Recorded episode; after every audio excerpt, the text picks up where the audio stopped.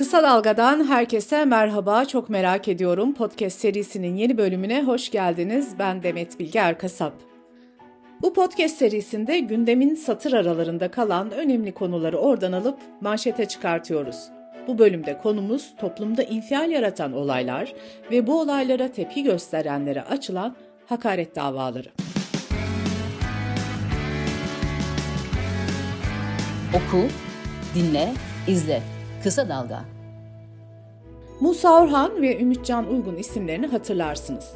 Batman'da 18 yaşında intihar eden İpeker geride bıraktığı mektupta uzman çavuş Musa Orhan'ı suçlamıştı. Musa Orhan 6 gün tutuklu kaldıktan sonra adli kontrol şartıyla serbest bırakıldı. Yargılamanın sonunda Musa Orhan'a nitelikli cinsel saldırı suçundan 12 yıl hapis cezası verilmişti. Bu ceza daha sonra ihal indirimiyle 10 yıla düşürülmüştü. Ümitcan Uygun'un adı da iki kadın cinayeti davasında geçmişti. Esra Hankulu'nun evinde ölü bulunmasıyla ilgili davada 10 yıl hapis cezası aldı. Kararda Ümitcan Uygun'un darp ve cebir uyguladığı ancak öldürme kastıyla hareket etmediği belirtildi. Aleyna Çakır'ın ölümüyle ilgili davada da konut dokunulmazlığını ihlal, tehdit, kişisel verileri hukuka aykırı ele geçirmek gibi suçlardan 4 yıl 10 ay hapis cezası aldı. Mahkeme süreçlerini özetlediğim bu olaylar yani İpeker'in intiharı, Aleyna Çakır ve Esra Hankul'un öldürülmesi kamuoyunda infial yaratmıştı. Dün Emine Bulut için, Şule Çet için adalet istiyorduk. Bugün Aleyna Çakır için adalet istiyoruz. Umuyoruz ki yarın bir başka kadın için adalet istemek zorunda kalmayız. İnsanlar sosyal medyada tepkilerini dile getiriyor ve elbette adalet talep ediyordu. Tepki gösteren kişilerden biri de oyuncu Ezgi Mola'ydı. Musa Orhan'ın serbest bırakılmasından sonra sosyal medya paylaşımında tecavüzcü ve şerefsiz ifadelerini kullanmıştı. Sonra gündeme şu haber geldi. Musa Orhan, Ezgi Mola hakkında hakaret iddiasıyla suç duyurusunda bulunmuştu. Daha neler canım bu kadar da olmaz hem suçlu hem güçlü e, tepkileri arasında bu suç duyurusu davaya dönüştü. Ezgi Mola hakkında 2 yıl 4 ay hapis talep edildi. Türkiye cinsel saldırıyla suçlanan bir sanık hakkında tweet attığı için hakkında dava açılan Ezgi Mola'yı konuşuyor.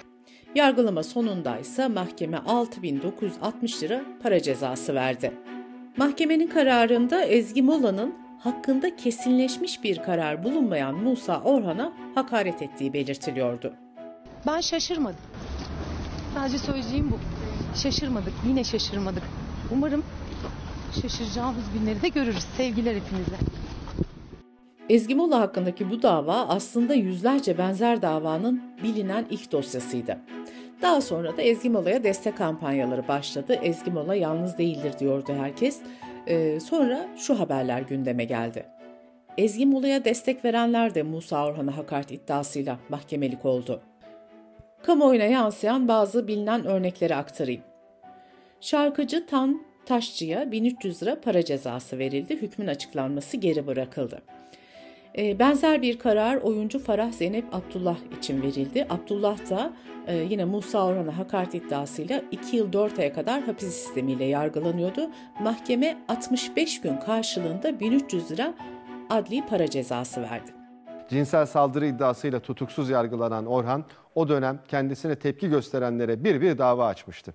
O isimlerden biri de oyuncu Farah Zeynep Abdullah'tı.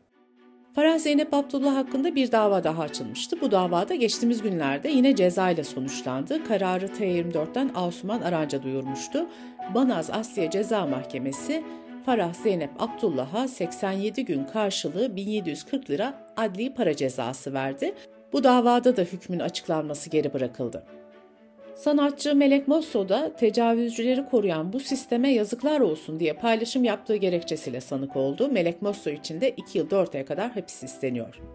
Dava açılan isimlerden biri de e, Hazal Kaya'ydı. Musa Orhan'ın avukatı Mehmet Erkan Akkuş açılan davaları şöyle savunmuştu. Tweet atarak hakaret etmek, linç etmek anayasal düşünce özgürlüğü değildir. Masumiyet karinesi ve adil yargılanma hakkı hepimize lazım. Şimdi bu kadar dava üst üste gelince sosyal medyadan birçok kişi de yargılanan isimlere destek verdi. E, hatta o dönem Hazal Kaya ve Ezgi Mola'ya bir destek de İyi Parti lideri Meral Akşener'den gelmişti. Akşener Twitter hesabından iki oyuncuyu etiketlemiş ve şöyle demişti. Bir kadın susturuluyorsa hepimiz konuşacağız. Kadınları yaşatamadığınız yetmiyormuş gibi bir de susturmaya mı çalışıyorsunuz? Hakaret davaları Musa Orhan'ın açtıklarıyla sınırlı değildi. 2021 yılında Sabah gazetesinde yayınlanan bir habere göre Ümitcan Uygun da kendisiyle ilgili paylaşımlara yüzlerce dava açmıştı. Haberde dava sayısı bin olarak e, geçiyordu. Uygun'un avukatı Alev Acar'ın ifadeleri de şöyleydi. Yargılamanın yapılacağı yer mahkemelerdir. Sosyal medya platformları üzerinden herhangi bir soruşturmayı yönlendirecek şekilde paylaşım yapılarak soruşturmalara dahil olunması hukuki güvenirliğin azalmasına ve insanların adaleti olan inancının zedelenmesine neden olur.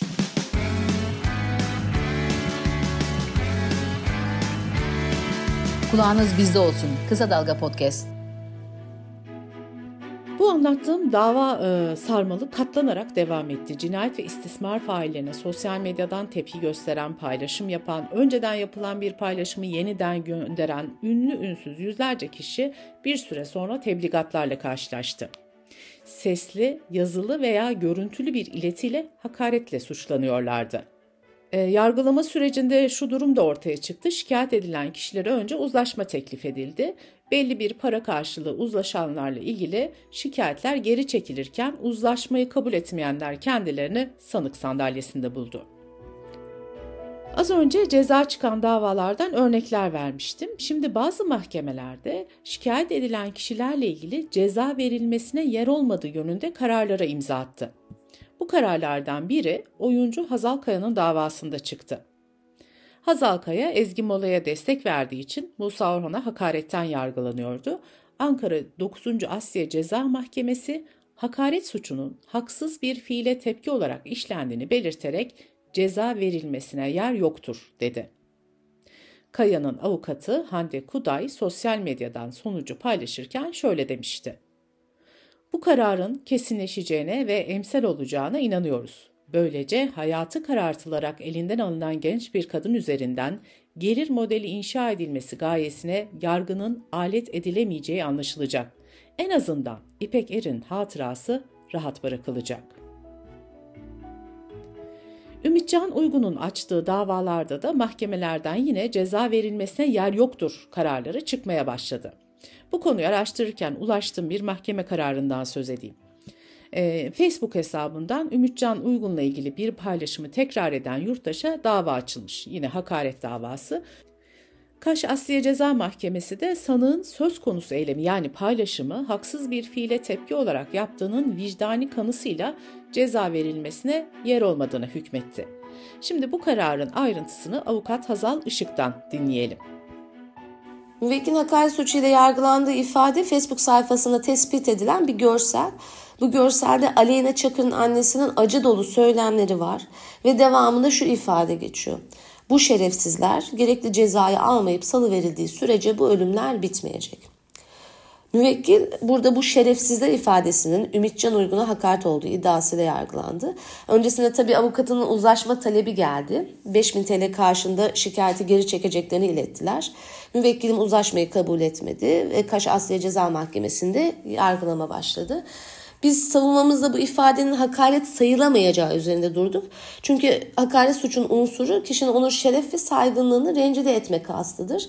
Oysa bu görseldeki esas vurgulanan konunun kadına karşı şiddet ve cinayet eylemleri gerçekleştiren kişilerin şahsiyeti değil, ülkemizde kadınlara karşı artan şiddet ve cinayetlerin yeterince cezalandırılmadığı, caydırıcılık taşımadığı ve bu sebeple de kadına yönelik şiddet ve cinayetlerin arttığı düşüncesidir dedik.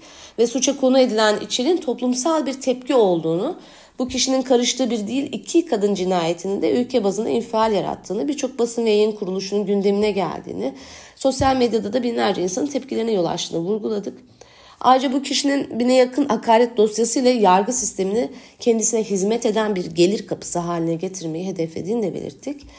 Yargılama sonunda Kaşasya Ceza Mahkemesi sanığın atılı eylemi haksız bir fiile tepki olarak gerçekleştirilmiş olduğu vicdani kanısıyla ceza verilmesine yer olmadığına karar verdi. Ümitcan Uygun vekil tarafından itiraz edildiği için şu an isnaf aşamasında karar henüz kesinleşmedi.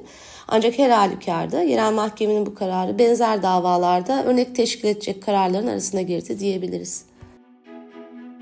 Bu hakaret davalarıyla ilgili ortaya çıkan tablo böyle. Bir yanda kamuoyunda infial yaratan olaylar, cinayetler, istismarlar, halkın adalet beklentisi talebi, öte yandan da e, faale ya da olayın kendisine tepki gösterdiği için e, yargılanan yurttaşlar.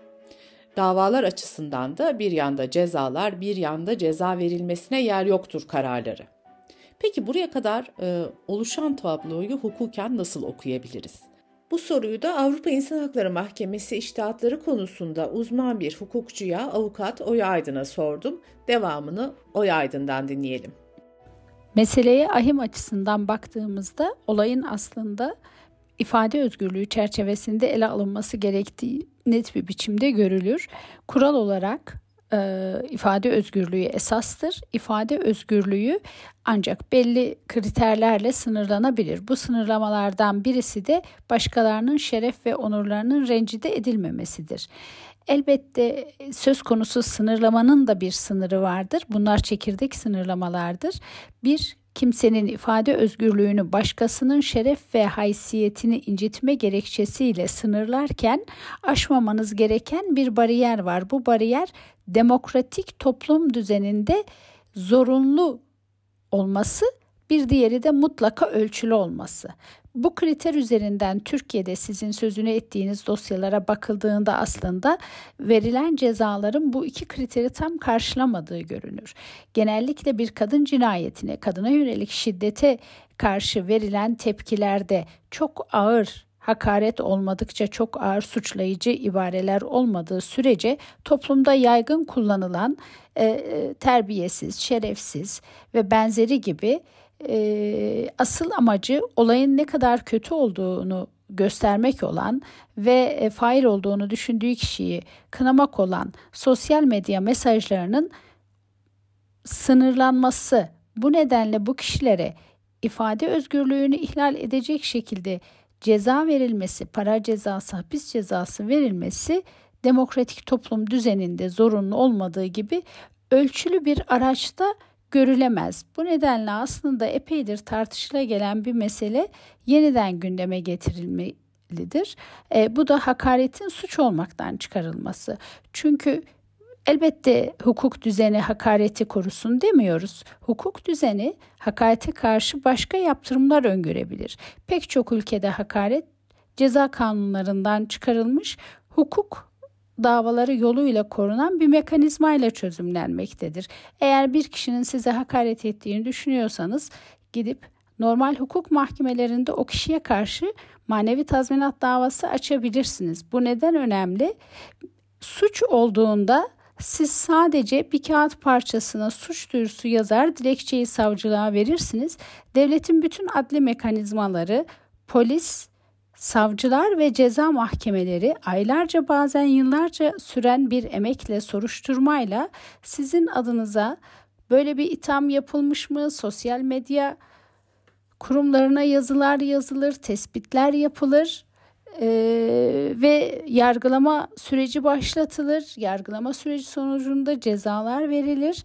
Onun istinafıdır, işte itirazıdır falan derken e, bütün bu adalet mekanizmasının en az ortalama 3 yıl gibi meşgul edilmesi e, söz konusu olur.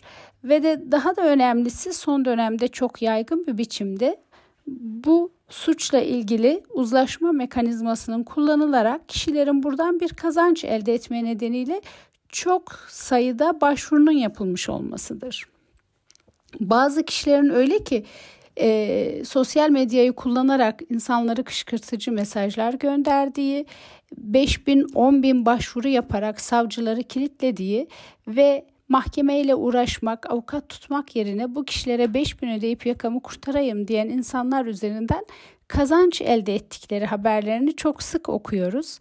E, bu nedenle hem e, sizin anlattığınız hikayedeki örnekler ve e, toplumda infial yaratan özellikle kadın cinayeti gibi e, kız çocuklarına yönelik şiddet gibi son derece e, toplum vicdanında hoş karşılanmayan eylemlerin faili gibi gösterilenlere yönelik tepkilerden dolayı hapis cezaları, para cezaları verilmesinin yanlışlığı hem de bu faillerin bunu bir kazanç kapısına dönüştürerek yargı mekanizmalarını işgal etmelerinin engellenmesinin yolu hakaretin suç olmaktan çıkarılarak bir tazminat mekanizması aracılığıyla çözümlenmesidir. Çünkü tazminat davası açarken bir kere bir masraf yatırılacak, adliyede bir dava takip edilecek ve davanın kabul edilmemesi halinde belli e, yükümlülüklerle karşı karşıya kalınacaktır.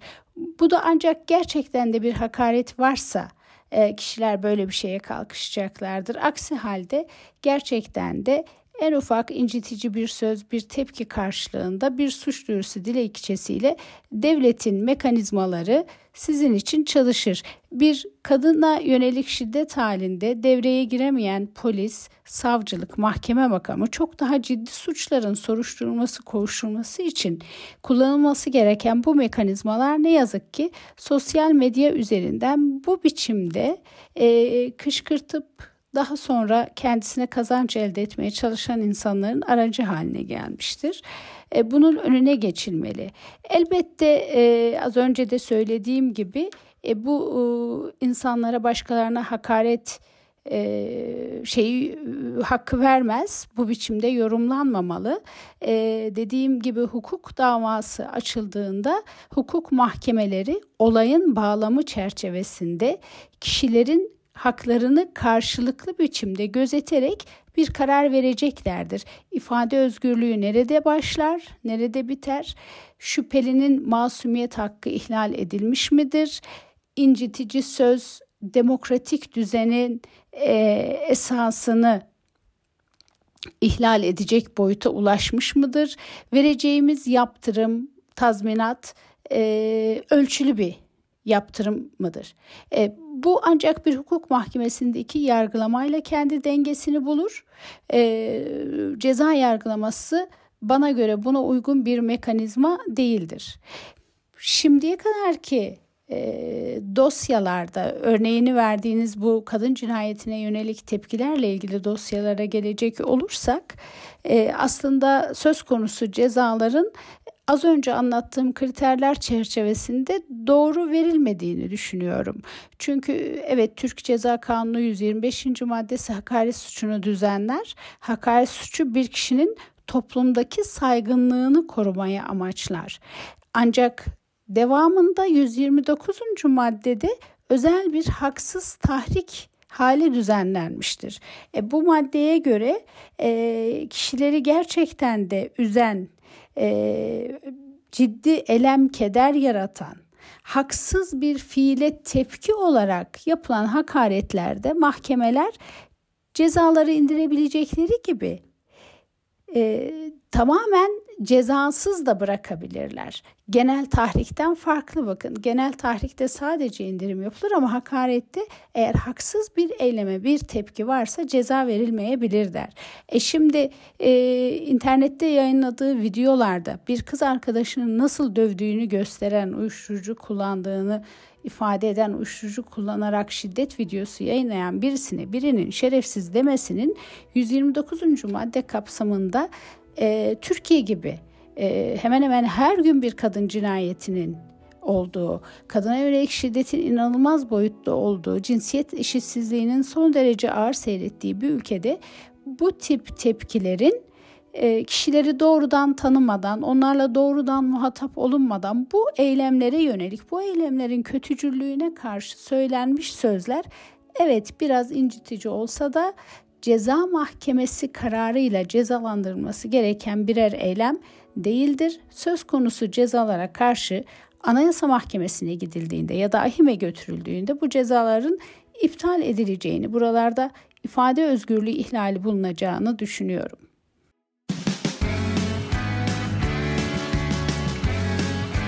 Oku, dinle, izle. Kısa Dalga